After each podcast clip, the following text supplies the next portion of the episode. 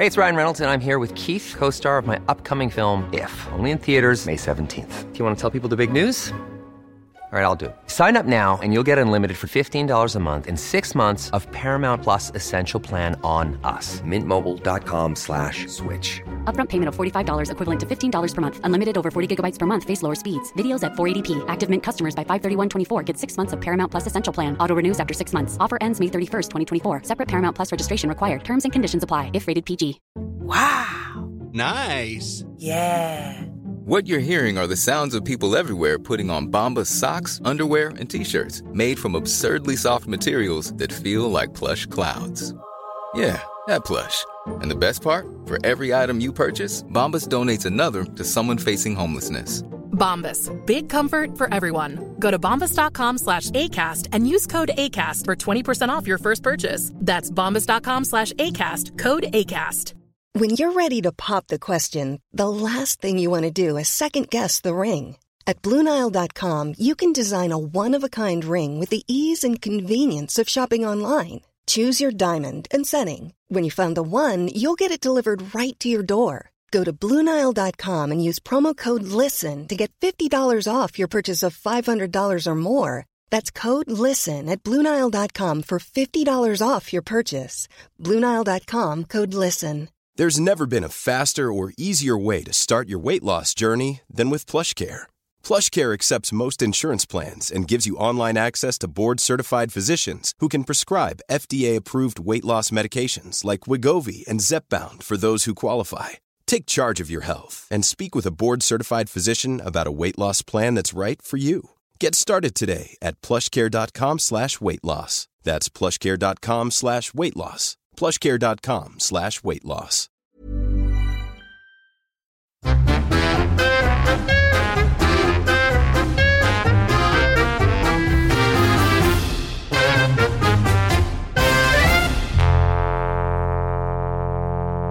Hej och välkomna till Inte din morsa. Jag heter Ann Södlund och med mig har jag min eh, paradrätt. Sanna Lundell. Om du var en rätt, vad skulle du vara då? Utan tvekan en eh, pasta vongole. Mm, shit vad snabb du var. Det kändes, ja, vad skulle du vara? Jag bara tänkte säga köttfärs och spagetti men det lät så jävla osexigt. Nej, det kan aldrig bli osexig. Okej men mycket parmesan va? Absolut. Du, det, det är vår och jag tänker att man ibland eh, liksom blir lite tagen på våren sådär. Som Karin Boye skrev, det gör ont när knoppar brister. Så har jag tänkt på, ja men det är ljuset och sådär såklart. Mm. Men så, så bara vill jag verkligen veta vad det beror på. Mm. Det är ingen raketforskare men så läste jag någon sömnforskare och liksom psykolog. Eh, Just det där att vi drar, klockan tas ju fram en timme. Och helt plötsligt från att det har varit ganska mörkt, man lever liksom som en råtta, typ blind råtta. Så ska man helt plötsligt vara så här Igång bara. Ja, en gång en påfågel som bara säger Look at me, it's a blue light out there. Och eh, i år känner jag att det har påverkat mig ganska mycket. Mm. Jag har blivit lite manisk. men också så här som att det är nu eller aldrig känsla. Brukar du få Mm. den på våren? För mig har det varit eh, väldigt blandat. Jag kan också få en sån eh, ångestkänsla på våren för att jag känner mig inte alls redo. Alltså när folk drar igång sina maniska energier och det är liksom så här, åh det ska hållas på hela tiden och växlas upp och så känner man så här, nej låt mig bara få vara kvar i grottan i mörkret. Mm. Jag tycker det är så här bekvämt och skönt. Men i år måste jag säga att jag inte alls har känt så och jag har hittat ett mönster. Det här är tyvärr ingen forskningsevidens överhuvudtaget bakom det här men för mig fungerar det så att jag var ju på Maldiverna i Ja. december. Och när jag har varit på en resa under de här årets mörkaste månader eh, och fått så här ljusterapi typ. Då kan jag te- hantera våren på ett annat sätt. Och jag har inte samma så här vintertrötthet eller vad man ska säga. Jag önskar att jag kunde få göra det varje år. Liksom. Att få vara i ljus någon gång i december eller januari. För då är det så jävla mycket enklare med den här omställningen.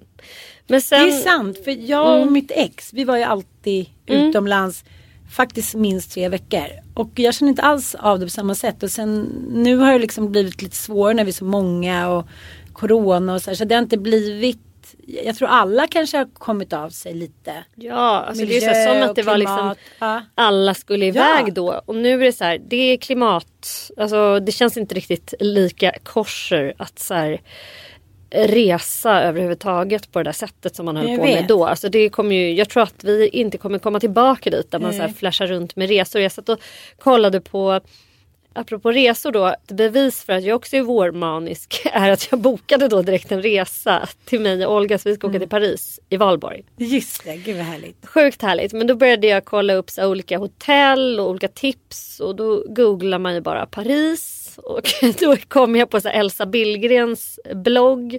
Från något inlägg 2009 som jag tycker var så himla talande för. Hur så att säga influencers har satt resandet i trend. Alltså, i, alltså höjt statusen på resan och normaliserat. För då skriver Elsa Ja, jag åker till Paris minst tre gånger om året. Man bara, minst tre gånger om året. Liksom som att det är, så här, det är ett måste. För att annars, då måste, jag måste inspiration, jag måste liksom, det är så, här, det är så absurt. Det är liksom Ingen inte eftertänksamhet. Utan det är bara så här, minst tre, ibland fem. För det Ja, gör man ju. Man flyget oftast bara, en gång i månaden bara brassade jag dit. Och liksom så här, hon hade inget, det var inte direkt att hennes arbetsuppgifter var beroende av Paris som arena om man säger så. Nej, Förutom nej, att hon ville ha liksom ögonfröjd. Typ, så här. Eh, och då kom jag direkt att tänka på Kommer du ihåg min idé som jag fortfarande inte har släppt och det betyder att det måste vara en bra idé och ibland tänker jag så här, men gud jag har ju faktiskt en podd. Vi kan liksom använda den idén där. Så det, därför tänker jag nu införa det lilla avsnittet då i varje podd, eller vad säger man? Vad heter man? Ja, In- lilla den lilla punkten, den lilla vignetten. Spåra trenden. Jag ville ju så jävla gärna göra ett tv-program som skulle heta Spåra trenden. Och eh, bara så här i korthet. Plocka fram en trendig, eh, liksom ett trendigt item, inredningspryl, modepryl eller liksom ett beteende som har blivit väldigt trendigt och gärna någonting som har blivit trendigt utan att man liksom riktigt kan förstå storheten i den. Ja, Buffalos till exempel. Buffalos eller typ en Cana- Canadian Goose-jacka. Och, och, och det här var ju så jävla tydligt då att så här, det här resandet, det här överdrivna resandet som vi ju har ägnat oss åt och jag har ägnat mig åt och Ja. levt för och älskat. Och jag tror jag Alltså jag har lagt ner, om jag tittar på liksom pengar, intjänade pengar i Sanna Lundells liv så har så här 70% av alla mina pengar gått åt till att resa Mm, och så här, bo på hotell. Det är ingenting jag ångrar. Jag älskar fortfarande att resa. Och jag menar inte att det är en meningslös trend men den är ju liksom ej förenlig med eh, växthuseffekten och klimathotet. Nej, men, Mm. det, nej men, men jag tycker ändå det är så intressant den där debatten som pågår. Att det här är ju inget nytt. Redan för hundra år sedan så, så skrev ju liksom journalister och eh, äventyrare så här. Ja men är det så bra för klimatet om vi ska ta båten dit. Alltså, vi ska framställa det som att det här är någonting som har kommit liksom, för tre år sedan. Det här är en problematik att människan har så svårt att lägga om sitt liv för att rädda någonting för framtiden. Vi är verkligen så här, vi springer bakom en bil och så här, vi kan bara jogga om vi ser en bulle framför oss. Alltså, vad kallas den för den där frossargenen? Så här, om, en, om en neandertalare såg liksom ett träd med massa frukt så var det inte så här, åh, nu har jag käkat tre äpplen, nu är jag mätt. Utan så här, man åt upp skiten bara. för att avsluta det här resonemanget så kan man ju väldigt tydligt se att så här, spåra trenden Eh, om, vi, om vi tänker resandet som trend, det är ingen ny trend men man kan också verkligen se hur jävla supportad den är av eh, kapitalet, alltså reseindustrin. Det är en, en jätteindustri som ligger bakom det och vi som ju ändå har fått se det här från insidan och med bjudresor och så vidare och eh, hotellnätter och resguider och eh, olika länders turistbyråer. Vart tog resguiden vägen? Eh, Ja, vart tog alla resetidningar vägen? Nej men liksom, de vill inte ens köpa in reportage längre för att det här är så kontroversiellt liksom. Och att det just nu är otrendigt att resa.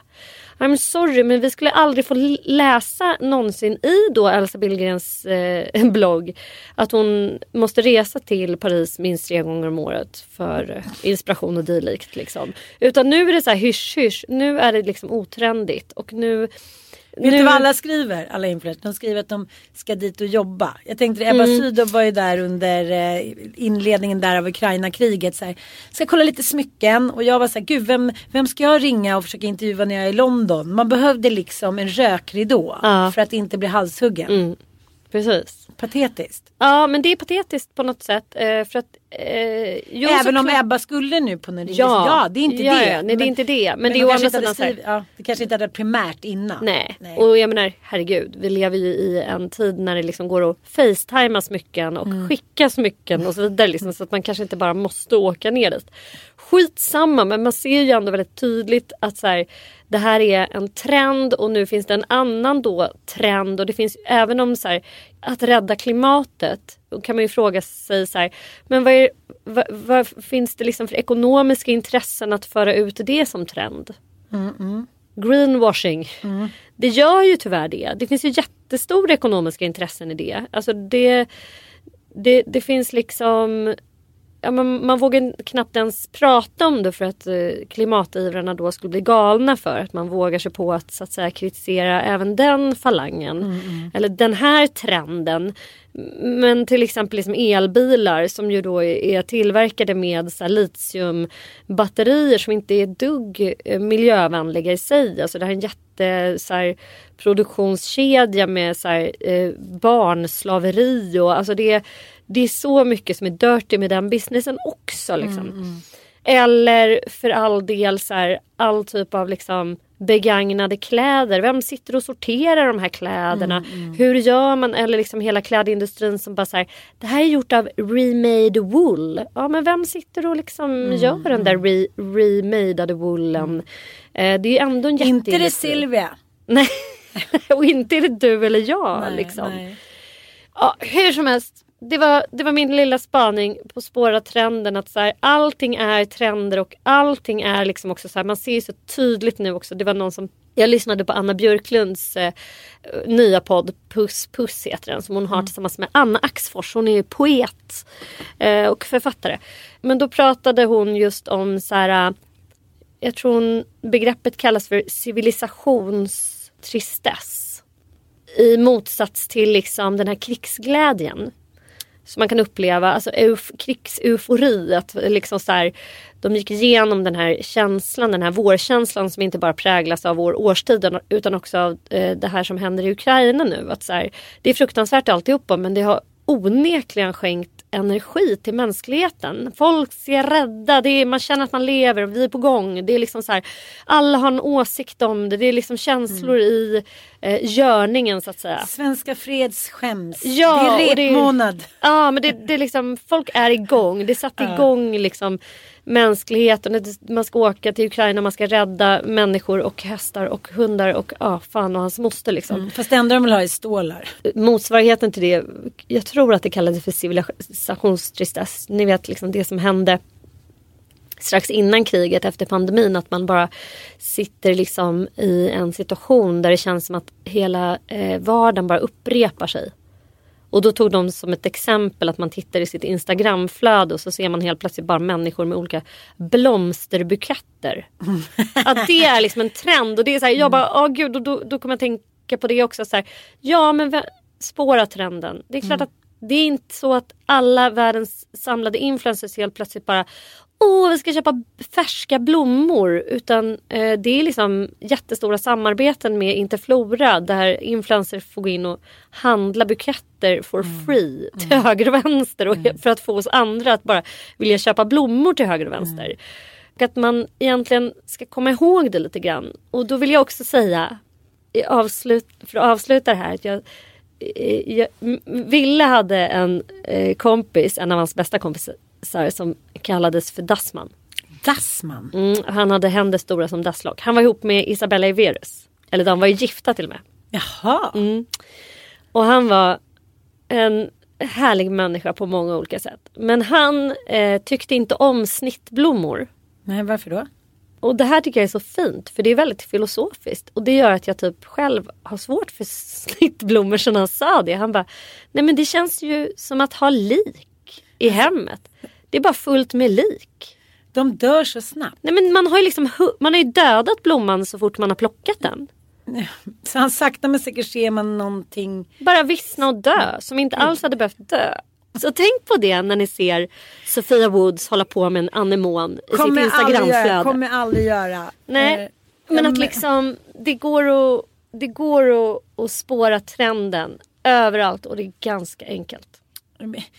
Och man också, behöver inte gå på den, man kan Nej, tänka på. Men jag tänker också, det finns en, en, en professor i Sverige som heter Gunilla Jarlbro.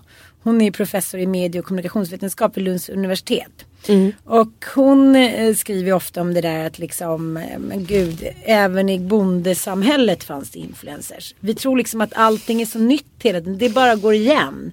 Det är klart att ute så här, i bondesamhällena så fanns det kvinnor som man ville liksom eftersträva. Sen kanske inte de var sma, liksom anorektiska utan det kanske var lite mer kurvigt. Men, men liksom, jag tänker det som vi matas med i världen, just det där som man tittar på så tänker man så, så här kan det ju inte se ut. Så här smal kan ingen vara och ändå sitta med sin lilla piz pizzabit varje dag. Liksom. Eller så, här, så här slät kan ju ingen vara som är 50. Och då kommer den här motreaktionen liksom, då, så här ser Madonna ut egentligen. Och så här.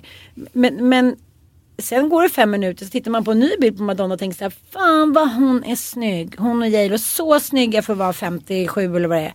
Så att det, det går inte, hjärnan klarar inte av att på något sätt, hjärnan vill se det som är fint och nu kanske mer än någonsin. Apropå den här nya podden Puss Puss så Ja. hade, gjorde de faktiskt en rolig spaning angående eh, J Lo. Ni får inte byta nu. Gör inte det. Men gå gärna in och lyssna på den. För vi tycker ju om dem och vill supporta dem. ja, absolut. Jag har ju bara längtat efter att Anna Björklund ska göra en ny podd. Della Q var ju vår, liksom, en av mina favoritpoddar ever Mm. någonsin i livet.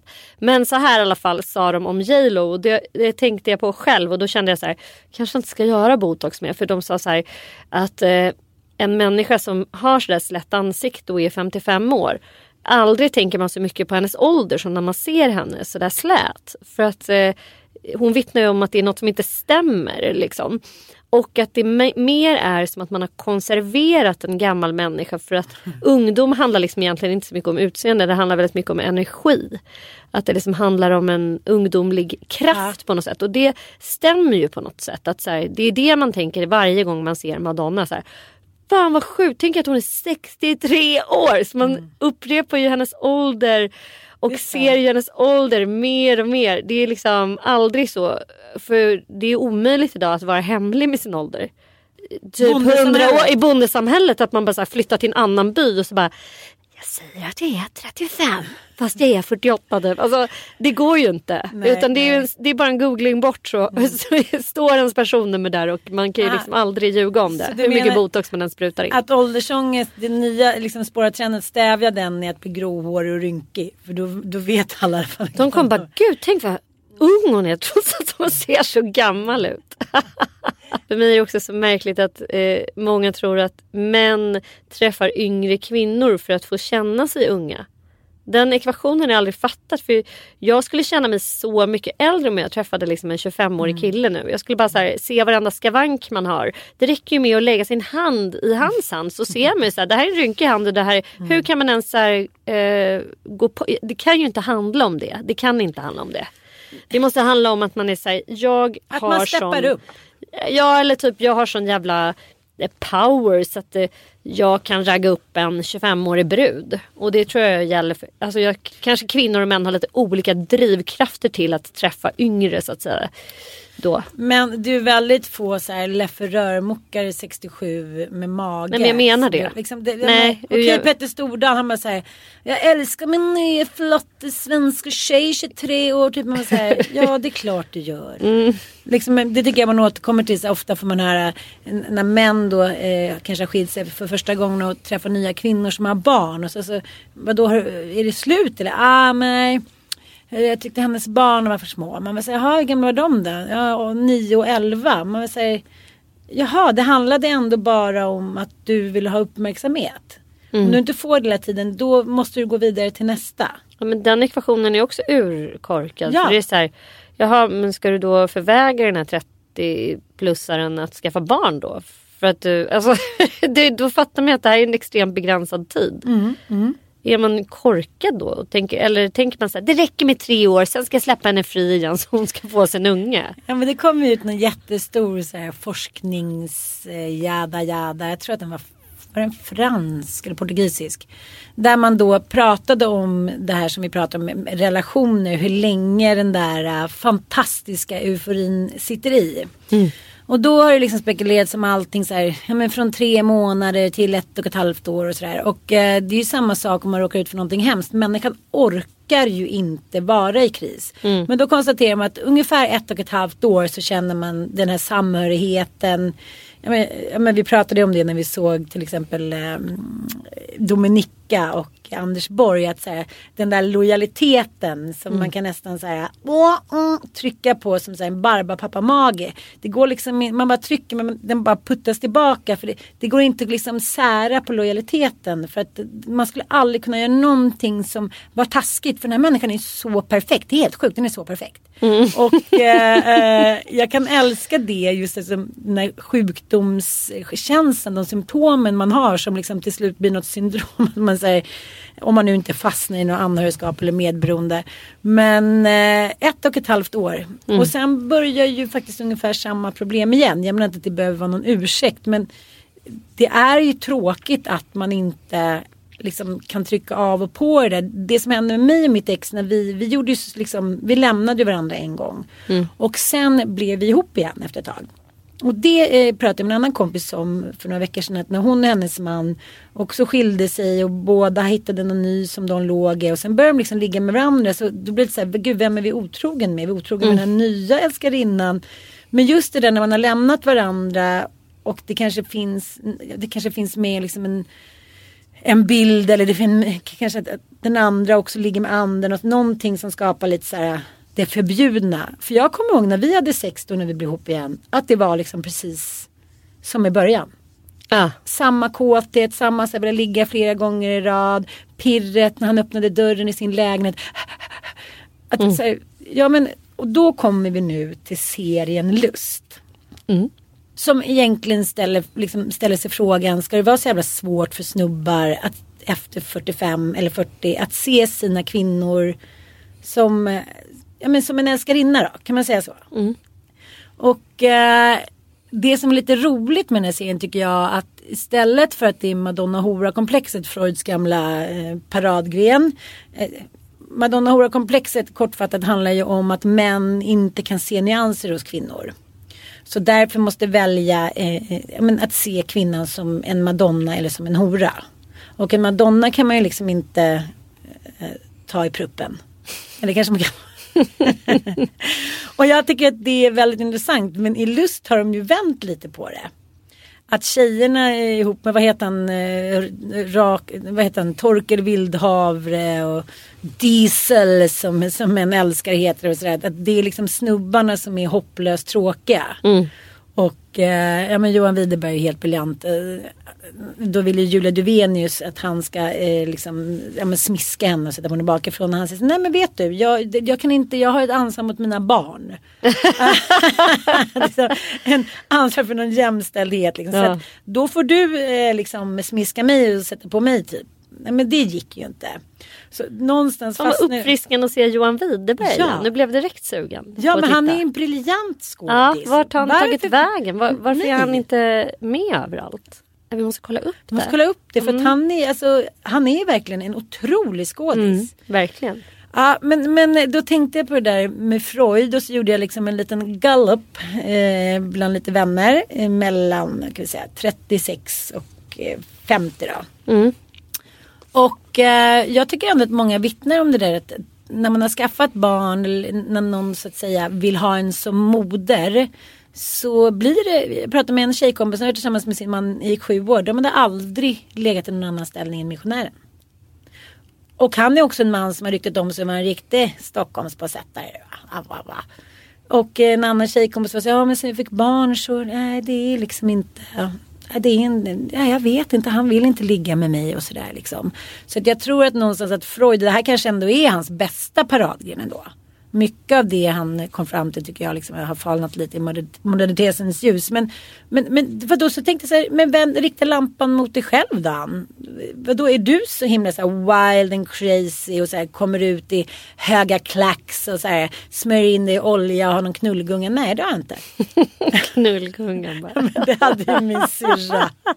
Mitt i sitt vardagsrum. Jag var så vad är det här? Det är knullgungan. Gud vad underbart. Ja. Nej men jag tror så här och det är en spaning jag har gjort hos liksom mina också då så här, med, medelåldern då som vi alla är inträdda. Det är liksom det är någon slags ganska mm, om man pratar om så här civilisationstristess tristess så skulle jag säga att det är en så existentiell tristess på något sätt som har inträffat här när man liksom kommer upp i 40 plus åldern. För att vi har ägnat liksom en stor del av eh, vårt liv här nu senaste 10-15 åren åt att så här, fostra, mata, eh, guida liksom ett gäng barn och göra projektet familj och då har liksom väldigt mycket utav lust åtråd det som var aktuellt när vi var liksom i 20-årsåldern när man skulle så här, hitta sin sexualitet, vad går man igång på, vem ska jag mejta med? Eh, förälskelse, galenskap, hela den grejen har ju fått stå liksom tillbaks för projektet liksom nörsa avkommor och se till att de blir liksom livsdugliga i stort sett. Ah. Och nu är de här avkommorna så pass stora så att helt plötsligt finns det liksom lite utrymme och lite rum. Och det tror jag, antingen så är det då liksom en så här mellanfas här när folk är lite så här ah, andas ut och bara vi vet inte och sen ska man ju nyorientera sig i det här. Och det, jag menar, det är då många, jag ska inte säga många, för jag, om jag tänker på mina bästa vänner nu så är det ju många som har separerat, många som har varit otrogna. Som har hänt under de här barnåren liksom för att man är såhär, jag längtar tillbaka till det där andra. Jag måste få ha lite spänning, jag måste få så galenskap, det måste liksom få leva här i mig. Och sen de som inte haft det, då är det också många som har så här normaliserat att nej men vi har typ sex eh, en gång varannan månad men alla kanske inte är så jävla kåta och det behöver inte vara något fel i det. Så här. Det där är den största lögnen. Tror du det? Ja, jag, jag tror alltså, Sen är det så här, jag känner så här, men gud nu är barnen lite större och vi sover liksom i samma rum. Sen nu är jag i och för sig relativt nyopererad men nu är jag ju inte det längre. Men varför är jag inte kåtare då? Om jag nu så himla mycket kan knulla. Varför knullade vi inte mer under coronan? Vi var ju hemma, liksom i två år satt han där och fes och vice versa. Varför bara gick vi inte upp och satte på varandra vilt i sängen? Det var ingen hemma. Men vad menar du att så här, det är nog så att vi inte är kanske så jävla kåta och att vi har tutats i, återigen spåra trenden att så här, det här med att knulla 24-7 och att Ja. det skulle vara så jävla stort och sån stor drivkraft. Så här. Jag vet inte, alltså hörni ni som lyssnar som är här i vår ålder liksom hur fan, det kanske är dags att göra en liten enkät. Kan ni inte Ja. skriva till oss här? Har, det, ni behöver inte skriva några utförliga rapporter om ert sexliv men ni kan i alla fall säga så här, men nej vi knullar fan inte jättemycket. Eh, eller vi knullar hela tiden och eh, hur länge har ni varit ihop och sånt. Men, jag, men kan det ha någonting att göra med det här nya syndromet då, perfektionssyndromet som eh, forskarna nu har konstaterat att kvinnor de senaste eh, tio åren, de klarar inte av att någonting inte är perfekt. Sommarställ ska vara perfekt, kroppen ska vara perfekt, eh, barnen ska vara perfekta. De kan liksom inte se en penna ligga och Men då borde man ju rimligtvis tycka att man ska Hur ha ska ett man- perfekt sexliv. Ja, men det, det kan man inte. Ja, men vi pratade ju om det här ihop. förra grejen att man skulle ha så här 100 knull 100 dagar. Att man ska knulla varje dag. Vad bra det gick. det roliga är att det här är typ två år sedan och då trodde vi på allvar att vi skulle kunna så här, köra 100 knull på ett år. Men jag har säkert knullat 100 gånger. I På år? ett år. Inte i år. Nej, nej, nej, nej. Nej nej nej herregud det har ju gått för fan nej nej nej, nej absolut inte i år. Men här, har mitt, på- mitt, alltså här har jag snittat lågt det här året som jag aldrig har snittat under Jag hela min med. vuxna tid kan jag säga. All time low snitt ska jag säga. Men det har sina orsaker. Jo, det fattar Som du jag. vet. vi liksom, nej men jag vet inte men jag, jag läste en väldigt, eh, alltså ni vet, du vet min älskade serie, jag vet inte om jag du får säga till om, om jag upprepar mig nu. Mm. eh, För att det blir tråkigt för lyssnarna om inte annat. Men i min älskade serie en, en engelsk skandal. Alltså inte den här brittiska, en brittisk skandal. eh, Utan en, men det kanske heter en brittisk skandal. Den här senaste då BBC-serien som jag såg nu. Med, som handlar om den här eh, eh, superotrogna sexmissbrukande då. Eh, Adelskvinnan. adelskvinnan liksom. Som eh, får genomgå år, århundradets Nej, hon värsta. Sexmissbrukande. Hon jo, var- hon låg ju Ja, hon var- Ja, hon var ju supersexmissbrukare. Ah, sorry. och hon hade ju liksom små, hon tog ju troféer av sina älskare och förde dagbok över hur många hon låg med och sånt där.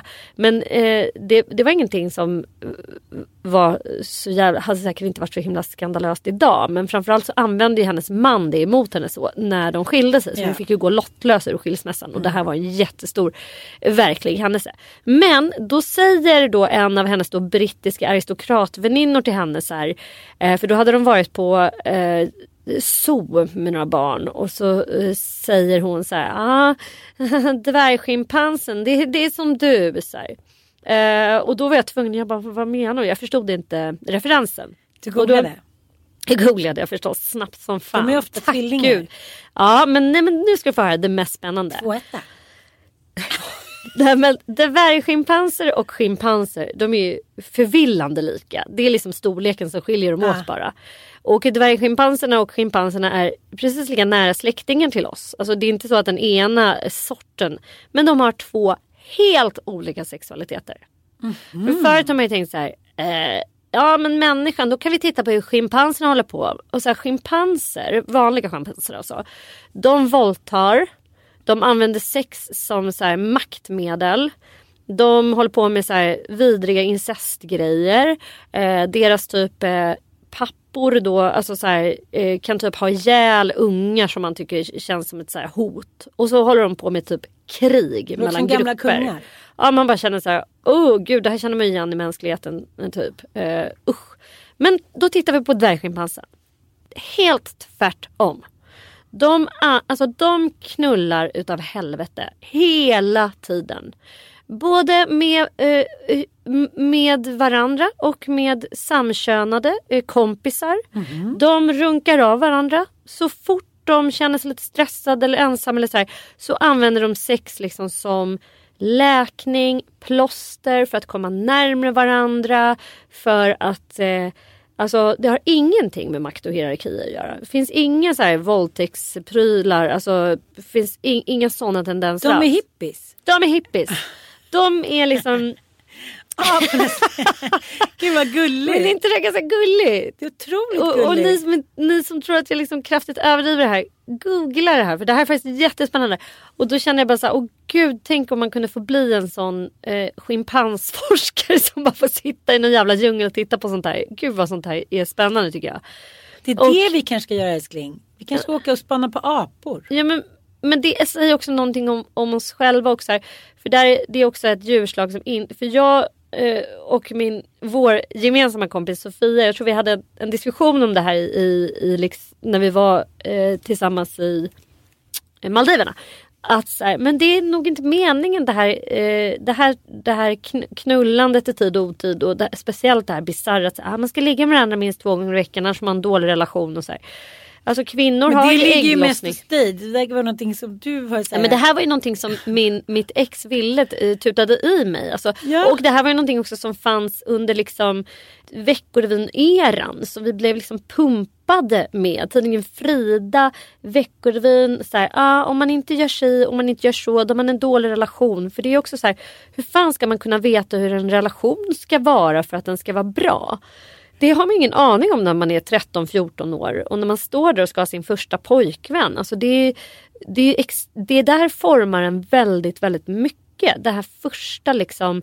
Ja, hur, och det här var ju ändå någonting Allt som var ditt så, fel Kenne. Det här var ju också någonting som var så otroligt eftersträvansvärt. Eh, I alla fall bland mina tjejkompisar. Att ha en pojkvän var liksom den, den så här, ultimata statushöjaren. Det var liksom viktigare än någonting annat. Att man hade någon som man så här, var ihop med och så här, skulle förlora oskulden med, gärna så tidigt som möjligt. Och sen skulle man då ha en relation och då skulle det knullas på olika sätt liksom, i den här relationen. Eh, jag vet inte, det kanske inte alls var så för er men för mig var det här väldigt tydligt liksom, hur, hur det här skulle gå till och det här var en del av vuxenblivandet och sådär. Men, men kan, du ge något, kan du ge bara något förslag? För jag precis idag så läste jag en novell i Annika Norlins debutroman. Jag ser allt jag tror jag den heter. Och den handlade om en tjej som hade en arm. Eh, och var liksom, eh, kanske det här kanske var på 90-talet. Eh, men hon var liksom inte bland de populäraste. Men sen så fick hon stora bröst. Mm. Och då var det som att man, man såg inte längre hennes stump utan nu var hon liksom någon i... Mm. Ja. Och sen så på en fest så var det en kille som stod vakt på eh, ett diskotek som blev intresserad av henne och bjöd, bjöd henne till sin hemmafest. Och hon tyckte det var så himla roligt. Hon, hon liksom förklarar när man är så här 15 år hur kul det kan vara att gå på en fest. Liksom. Det är musik, någon har fixat högtalare, alla garvar, alla står och dansar. Och sen ser plötsligt så säger han så här, men ska vi gå in i sovrummet? Mm. Hon var så här, "Nej, men jag vill inte, jag är ett barn liksom. Hur mycket som har förstörts. Jag, gud, jag fick sån här äh, ungdomsångest. Att man, liksom, man trodde att det skulle vara på ett sätt och sen så visar det sig att mitt under festen eller liksom dejten med den här killen så var det mindset på något helt annat. Så man, in, man var liksom inte där. Man var för ung, man var för oerfaren. Man kunde liksom inte spotta kuktrenden. Och hur det så här fuckade upp mindfuckade en. Så, Jaha, nu ska vi tydligen ligga. Men vi låg och kollade på tv eller dansade och vi vi hade så kul. Vi spelade typ fotboll. Och sen ser jag plötsligt så är det som att så här, man ser blicken att nu är mindset inne på att den här personen ska ligga med mig. Mm. Hur mycket jag tycker liksom det har förstört att jag inte fick förklarat för mig. Så man måste inte säga ja. Och så så. Mm. Nej men då var det nog snarare mer så här.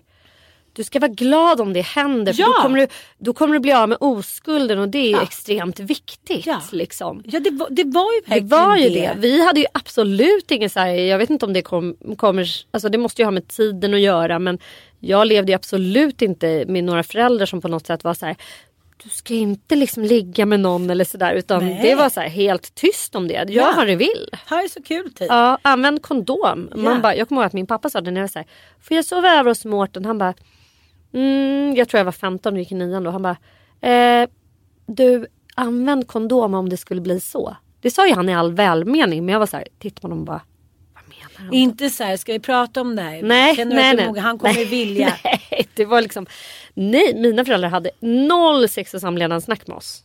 Alltså kanske pappa hade mina brorsor men nej, mamma hade ju all, alltså min mamma var ju väldigt sjuk. Jag flyttade ju till pappa när jag var 14 och, och mamma var ju sjuk då. Liksom, och jag träffade inte henne liksom, på två år då. Men skitsamma, det här var en del av den, den Ja. tidseran. Men det hon skriver är att hon kommer sen till skolan dagen efter och Mm. nu har något hänt. Hon är upphöjd. Ja. Hon är någon för att hon har pippat med en snygg kille. Ja. Någon så här, tjej kommer fram och bara, ska inte vi gå hem till mig och kolla på film i eftermiddagen och så här, akta sig lite när hon går förbi. Det liksom, jag kanske var för dum för att förstå det men så, men jag kommer ihåg att det var, att det var givet att man skulle ställa upp.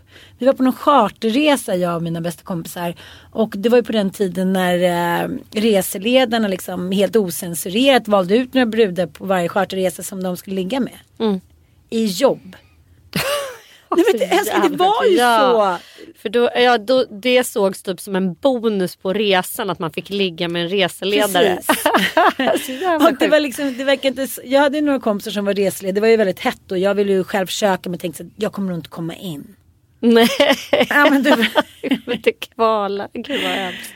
Men så söp ju alla som svin och sprang omkring där runt poolen och så var det liksom eh, ja, men några killar som skulle vara lite så här, se lite olika ut. En var lite brunhårig, en var afroamerikan, en var svennebanan. Det skulle finnas något för alla, som att de där jävla reseledarna var liksom ja, men, uttalat prostituerade. Ja. Ja. Så kommer jag ihåg att vi var fulla så låg vi där i sängen jag och XX och XX. Och han låg liksom i mitten. Mm. Och så bara kände jag så nej men gud vad är det här nu då? Man var ju lite så här tequila-ris mitt på dagen. Man var ju inte vid frisör direkt. Men eh, jag bara, jaha, en doppfelpull. Nej. Jo. Jag bara säger, okej vad händer? Jag bara, Hur gammal var det här? Det var efter andra ring. Ja, 17. Ja, 17. Så att jag var ju liksom inte purung. Nej. Men, men att jag var så här, men gud vad, vad händer? Så jag sträckte mig upp och såg eh, min kompis här. Ah, jag bara, nej men nej, du kör en dopp, doppfelpull. Nej men så här, okej, jag tror att jag ska gå liksom. Eh, det var en konstig med det och också hur tjejer, kommer ihåg hur vi tjejer var så här, jag sög bara av han.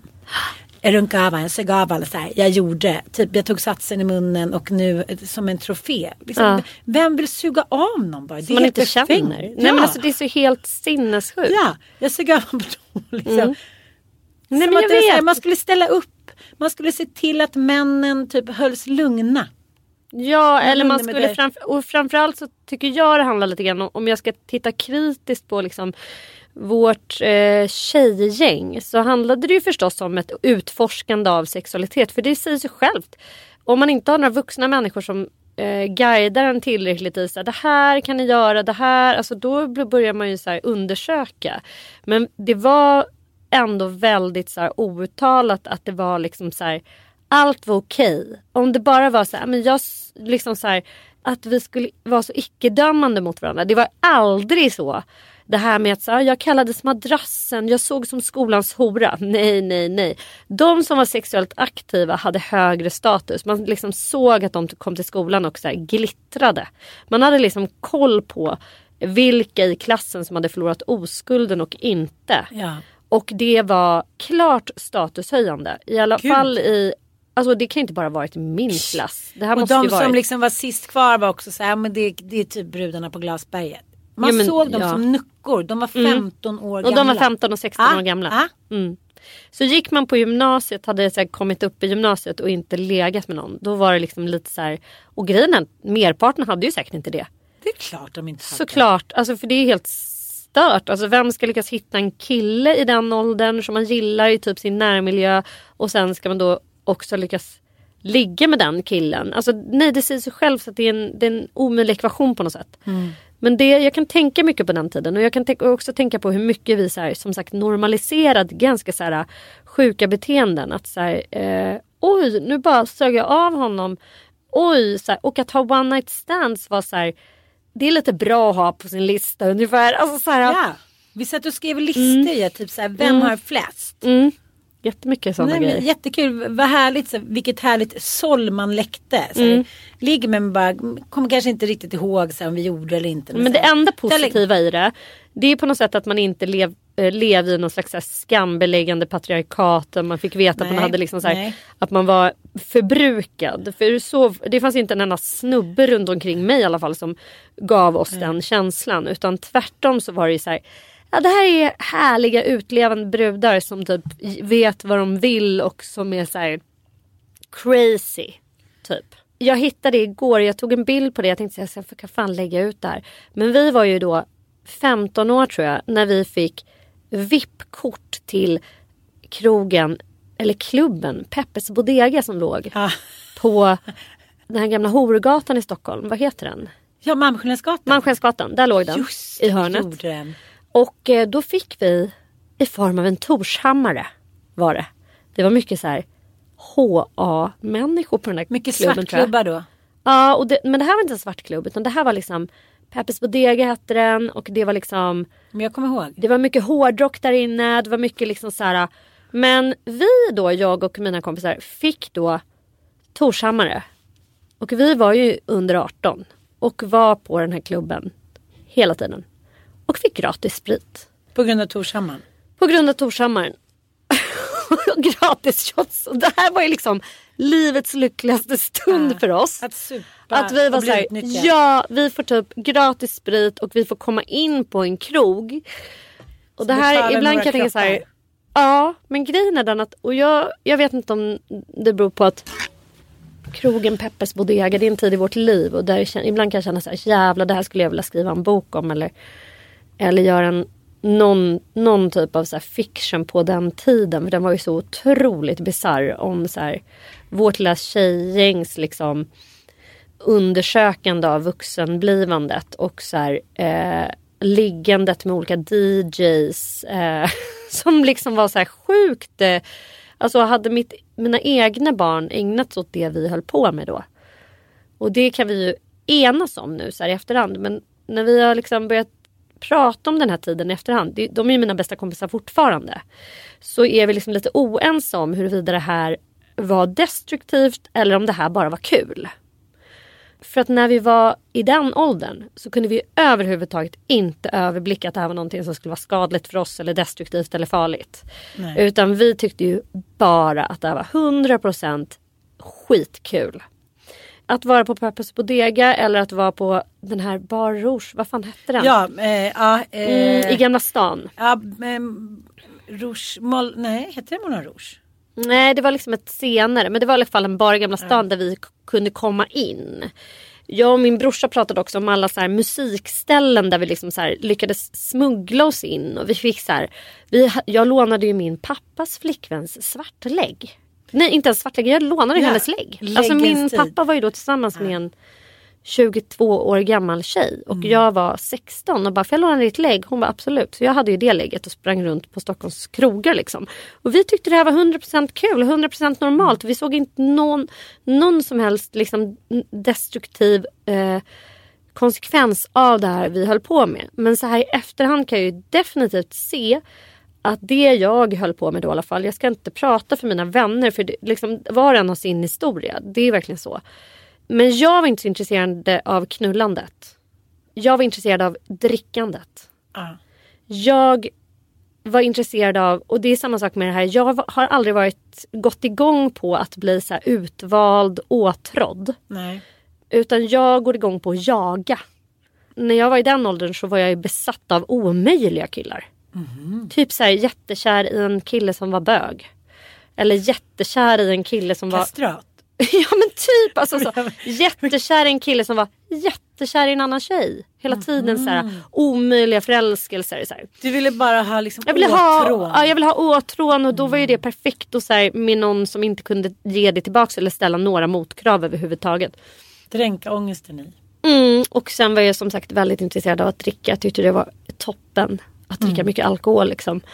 Och det var inte alls sunt. Om något av mina barn skulle hå- hålla på med det. Alltså jag började när jag var 14 år. Och ville liksom att varje helg skulle vara kanon. Fylla. Typ. Alltså, nej men det här är ganska sorgligt att prata Ja, om egentligen. Nu skrattar jag men, men det är så här, det var ju ingen vuxen som ha- hade liksom heller koll för att när vi var i den åldern, jag och mina då två bästa tjejkompisar, vi var ju flera i det gänget. Men flera av mina bästa ko- tjejkompisar, inte bara mina två närmsta Jossan och Karo utan även Lisa och Helena som umgicks jättemycket, de var några år äldre än mig. Men alla vi hade gemensamt att vi hade föräldrar som var i så stora livskriser just under det här, de här åren. Okej okej ja. Och det är ganska vanligt faktiskt. Det är, Apropå det här med att man är så här 40 plus och barnen börjar bli vuxna och klara sig själva. Ja, Men det är då folk skiljer sig, det är då de är otrogna. Min morsa fick djupa depressioner och, och var inlagd på Långbro sjukhus. Min pappa hade precis träffat en ny ung 23-årig tjej som han var så head over heels kär i och var så här nynykter igen. Eh, alltså Carros föräldrar skilde sig, det var liksom jättestökigt och, och hennes mamma träffade en, en gambiansk kille som var jätteung också. Det var stök med våra föräldrar. De hade inte koll på oss. De visste nog inte ens att vi hade ett hade eh, ingen- VIP-kort på Peppes Bodega. De kunde inte ha fokus på er. De hade Noll procent. själv. Plus att tiden var sån. Det var så här, ja ja, frihet under ansvar barn. I Men- våra kretsar i men, alla fall. Mm. jag, jag måste också, is- liksom, måste också spegla att, så här, att samhällsklasser tycker jag samhällsklassers, nu låter det så himla så arbetaraktigt, men olika klasser vägar tycker jag korsades mer. Mm. Alltså i, idag om min son hade kommit hem som en av liksom, min bästa tjejkompis, hennes mamma var ju missbrukare och alkoholist. Bodde i Farsta i en, en trea och där bodde hon, var superordentlig och jättegullig. Hennes mammas kille, Lasse, supermissbrukare. Han bodde när han liksom körde på lite för mycket, då fick inte han komma upp i lägenheten. Så han hade en madrass. Och liksom ett litet täcke eh, i trappuppgången. Och då menar jag inte så att han gick ner en halvtrappa och så här gömde sig undan. Utan direkt när man gick in i foajé Alltså, ja. så låg han där. Och Ja. liksom, men hade han skjutit på lite och så här. Äh, hon blev sur där uppe frugan typ. Så att jag gick ner och la mig. Ingen, ingen fara typ. Ingen... Nej, men sen, när man är sådär ung så normaliserar man ju allt. Och Mm. eh, menar, om jag ska jämföra med min bakgrund, den var ju inte på något sätt burgen. Men ändå så här medelklass with a twist typ. Mm. Jag var såhär, jaha, jag tyckte det var lite konstigt. Och man kom hem till någon kille någon kväll som man hånglade lite med. Och så kom hans mamma ut packad söndermisshandlad i ansiktet. Så här, jag är ledsen. Jag bara säger, ja du, du, hon är... Men sen så gick vi in där och hånglade lite liksom. Jag, jag vet inte, det var inte så här. Det fanns inte så mycket analytiskt intresse. Man fick klara sig lite bäst fan man ville och hoppas på det bästa typ. ja. Ja. Och det var ju liksom inte direkt att så här, vuxenvärlden hade koll på en och jag vet inte om det om alltså, Nej men jag vet inte men jag inbillar mig i alla fall att mina barn inte snor så här, eh, falsklägg och är ute och så på krogen. Alltså den tiden tror jag är förbi. Jag tror inte de skulle våga det. Jag tror att de är för rädda för konsekvenser. Alltså det har aldrig hänt att mina barn är så här, inte att jag inte har koll på vart de är en kväll. Alltså Nej. nej, så att liksom en kombination av tiden, att det fanns en större tolerans eh, kring den här typen av så här ungdomsbeteenden eller vad man ska säga. På alla, alltså det Alla var ju inte så här- att alla krökade utan att bli Och, det var så dömda. här, och nu är det, nej men jag kommer ihåg också att det var så här, nej men nu är det, nu är det valborg. Då var det liksom människor som klämdes ihjäl på Mosebacke. För Då skulle alla ungdomar, för då var det så här, ja men om man inte är 18 och inte har åldern inne så då går man upp och super på Mosebacke liksom. Eller gröna. Ja, eller Grönan. Mm. Eller så går man och super liksom så oj, det, nu är det liksom nu är det den stora superhelgen Lucia. Det är då de alkoholdebuterar ungdomarna. Så då I vet vi det. åttan, Ja. nian så här. Och då var det som att föräldrarna nästan var så här. Ja det, det är så det är Mm. typ. Och liksom vi ska ej heller glömma att det var en tid då det fanns rökruta på skolan. Att det var helt okej från åttonde klass om man, om man hade föräldrars godkännande att Jag stå i rökrutan. De hade ett intyg. Ja, så då är det liksom helt okej för hon röker och det är jag Min mamma fine skrev ju på det till min syrra.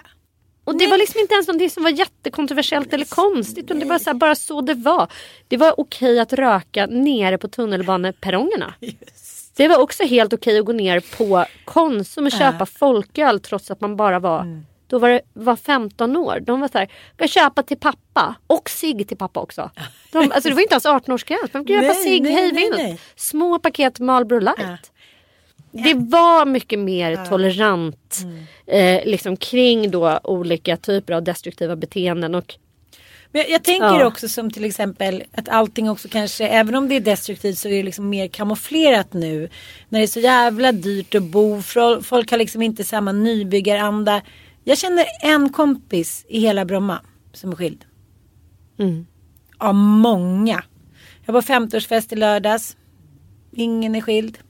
nej men folk har, de har inte råd att skilja sig nu. Så det, min, eh, s- De är så kvarbos. Min trendos, min eh, s- s- s- spotta trenden är ju att eh, många kvinnor i min närhet har lite gett upp. De är såhär, men vadå, spelar roll, det kommer bli likadant på någon annan. Så jag hånglar lite med andra, jag kör kvinnofester. Att, lite som också Lust faktiskt tar upp, att man, man, man vänder på perspektivet. Det är inte Madonna och hora utan det är liksom Jesus horbock istället. kan, jag kan inte vara tänd på honom längre för han, liksom, han blir så präktig typ. Han är Papa Bear, Precis, det liksom, så, mm. ja, och, och Diesel som är min PT som bara så här osar och frossar testosteron. Hon, hon, han får sätta på mig liksom in i kaklet. Så det tycker jag är lite uppfriskande men jag vet inte om det hjälper våra framtida tankar om ett jämställd värld. Nej men jag tänk, alltså jag tror också så här, Det blir inte så rolig TV i och för sig. Det Nej det blir inte så rolig TV. Men jag tänker också att så här, i de bästa världar så måste man väl ändå förstå om man ska kunna ha ett långt äktenskap. Om man nu tänker sig att det, och det kan man ju vilja av massor med olika skäl. Det är till exempel urjobbigt att skilja sig. Både praktiskt, fysiskt och existentiellt. Även fast man har tröttnat på varandra så är det skitjobbigt att skilja sig i alla fall. Det ska hålla på med flyttbussar och jourgardlager och liksom så här nyorientering. Det kommer ta ett år av ens liv och det kommer vara pissjobbigt och man kommer bli helt försliten och gammal av det året. Låt oss bara face the fact. Liksom Allting annat är lögn. Allt annat är bara förskönande liksom eh, drömscenarion. Det är jättejobbigt att skilja sig. Och bara det kan göra att man säger nej jag orkar inte. Eh, men om man nu tänker sig att man ska liksom leva kvar då, då kanske man bara får acceptera att man kommer inte vara så här genomgående kåt på varandra ett helt liv. Nej.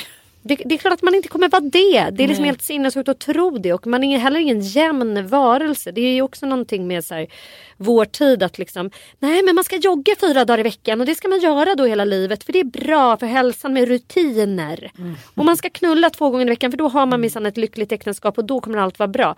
Eh, och det eh, främjar, visar studier, både liksom välmående, relations... Alltså så här, nej, för fan. Det kommer komma perioder i ens liv när man liksom inte ork, absolut inte mår bra av att jogga fyra dagar i veckan. Och där man absolut inte mår bra av att knulla två dagar i veckan. När man typ inte vill knulla alls på ett halvår för att man till exempel kanske har fått en bröstcancerdiagnos eller något Opererat annat. sig. Opererat sig. Eller att något jävla trauma har eh, träffat något av ens barn. Alltså nej, då måste man ju kunna frångå idén om Ja, men två, jag- två dagars regeln på knulleriet. Älskling, den har du från din gamla relation. Så jag vet inte, inte så, känner ni igen den så, så DMa.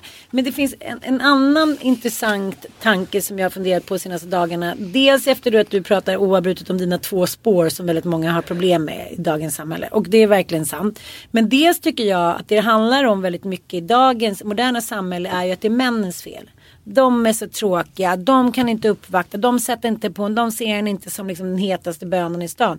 Nej, men man kanske inte är, heller är alltid den hetaste bönan i stan. Man står där man är trött, man liksom har inte solat och vice versa. Man tycker liksom, fan vad röven var platt eller hänger.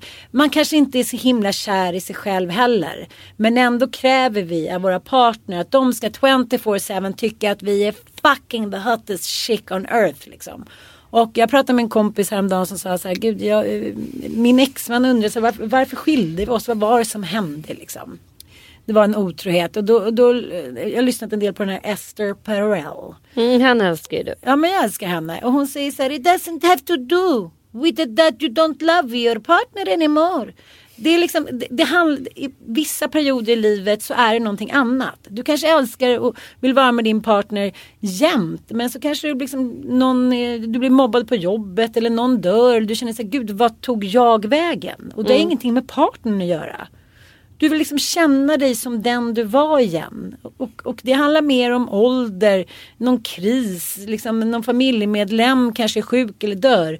Du bara saknar den där känslan som du kommer ihåg hur den var. När du var dig själv, när du var liksom den du ville vara.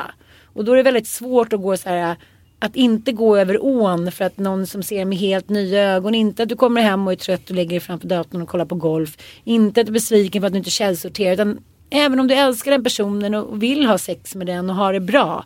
Så är det någon där som tittar på dig med nya ögon. Så här, de vet inte att du har gjort ditten och datten. Eller var dum mot barn. Eller liksom inte ge blommor på fredagar. De tycker du är toppen. Vem tycker inte om... Det är därför vi pippar så mycket i början av en relation. För att vi är toppen. ja.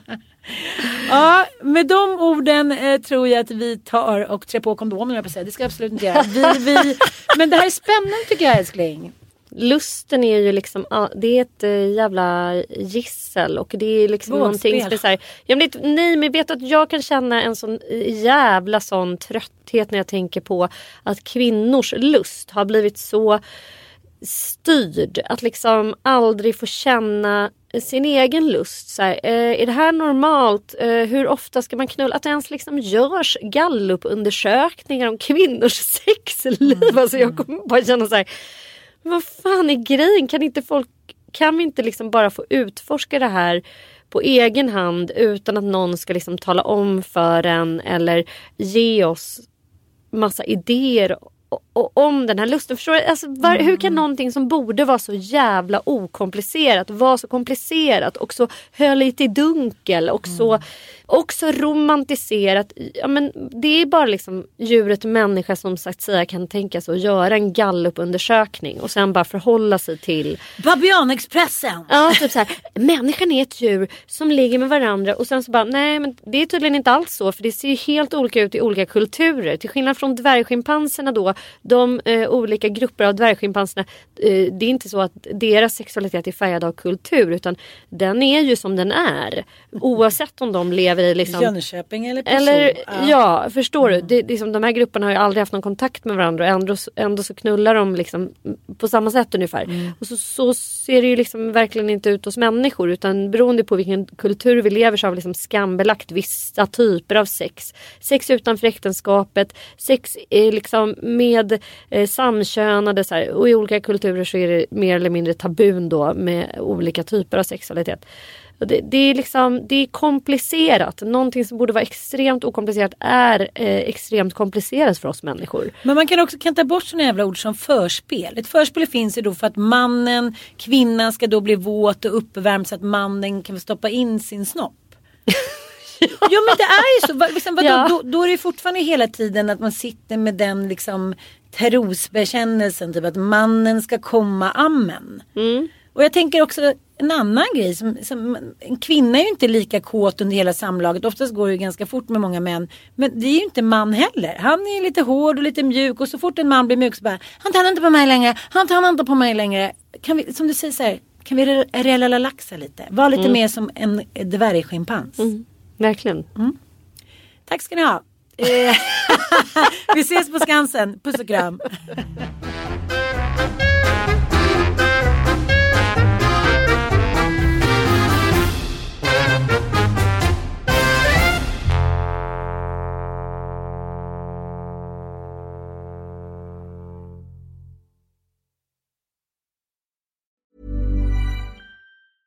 Hi, I'm Daniel, founder of Pretty Litter. Did you know cats tend to hide symptoms of sickness and pain? I learned this the hard way after losing my cat, Gingy. So I created Pretty Litter, a health monitoring litter that helps detect early signs of illness by changing colors, saving you money and potentially your cat's life. Pretty Litter is veterinarian developed, and it's the easiest way to keep tabs on your fur baby's health right at home. Go to prettylitter.com and use code ACAST for 20% off your first order and a free cat toy. Terms and conditions apply. See site for details. Planning for your next trip?